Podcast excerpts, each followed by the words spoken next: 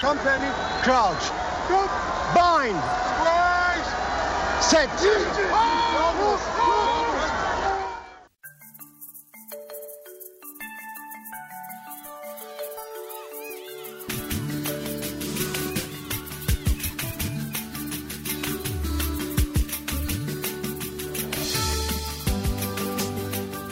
In ons reeks oor die Rugby Wêreldbeker kyk ons na die derde toernooi.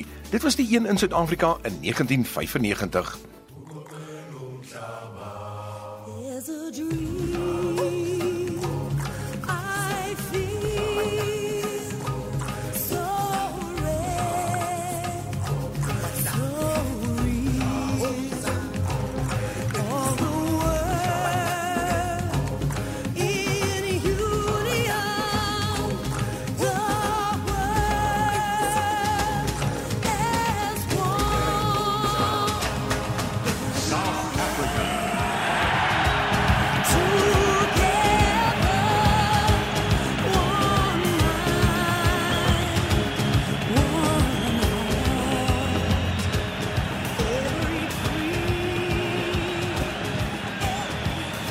And a very, very good afternoon to you and welcome to Ellis Park.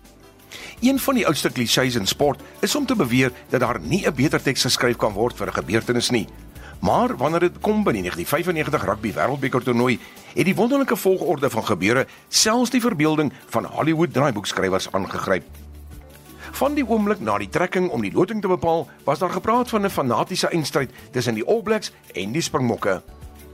In die eerste wedstryd van die Springbokke speel hulle teen die verdedigende kampioen Australië op Nieuweland in Kaapstad. Die weer was perfek, die stemming was vreugdevol en die skare het spontaan gedreun sing Nelson Nelson Nelson toe president Mandela op die veld verskyn vir die amptelike opening van die toernooi.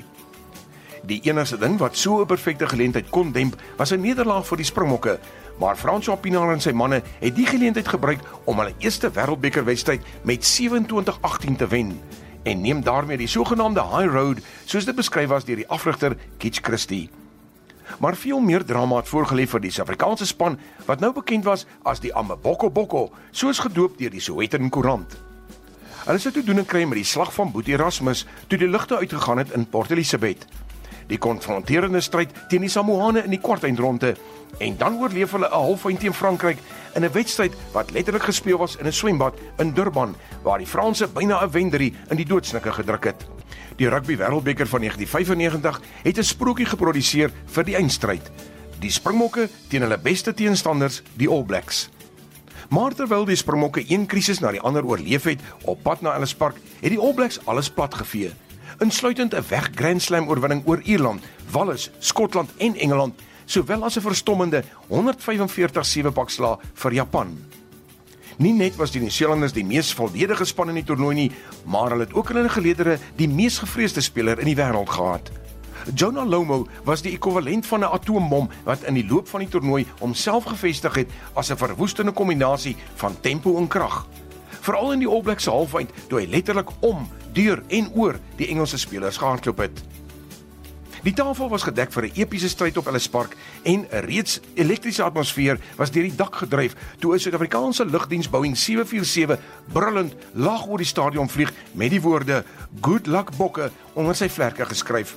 Gevolg deur die verskyning van president Nelson Mandela op die veld met 'n springbok nommer 6 trui van François Pinaar aan. Nie een van die spanne was ooit met meer as 3 punte voor nie en met 3 minute oor het Andrew Mertens misluk met 'n skop wat hulle kon laat wen het. Maar dit het uitgeloop op ekstra tyd. Die All Blacks het eerste bloed geruik in die bykomende tyd en Mertens slag met 'n strafskop om 'n 12-9 te maak. Net om kort daarna weer gestraf te word en aan Stransky die geleentheid te gee om dit gelyk te maak met 12 elk. Die spanne van ander kante en dis die laaste 10 minute wat voorlê. Die Bokke wen veld deur 'n skop van Andrew Hubert en is in die All Blacks se helfte van die veld. Die telling is nou 12-11. Hierdie skram is op die kwartlyn van die All Blacks en 15 meter van die oorkantse kantlyn. Joost van der Westhuizen, hy rol in Suid-Afrika staan stewig in die skram. Dan hou hom so 'n bietjie daar tussen die voete hulle hom en dan tel Joost op, hy slinger die bal uit na Joel Stransky reg agter die skram. Hier kom 'n skepskop met die regtervoet van Stransky. Dis 'n hoë skop. Die lengte is daar. Hy's tussen die palle deur Joel Stransky. Hy laat Suid-Afrika voorloop met 15 punte teenoor 12. Die hele Suid-Afrika het uitgebars in 'n vreugdevolle viering En president Mandela het teruggekeer veld toe om die Webb Ellis Trofee te oorhandig aan François Pinaar. William Webb Ellis Trophy is standing there on a pedestal, waiting for Francois Pinard to lift it aloft for the first time in South African rugby history. Die oomblik was perfek opgesom toe die kaptein aan SABC TV sê: "Dit was nie net vir 60000 toeskouers nie, maar vir 43 miljoen Suid-Afrikaners." Yeah, when uh, it went down to the wire, I just got, I told the guys to keep calm, keep the discipline, and Charles Transky to do.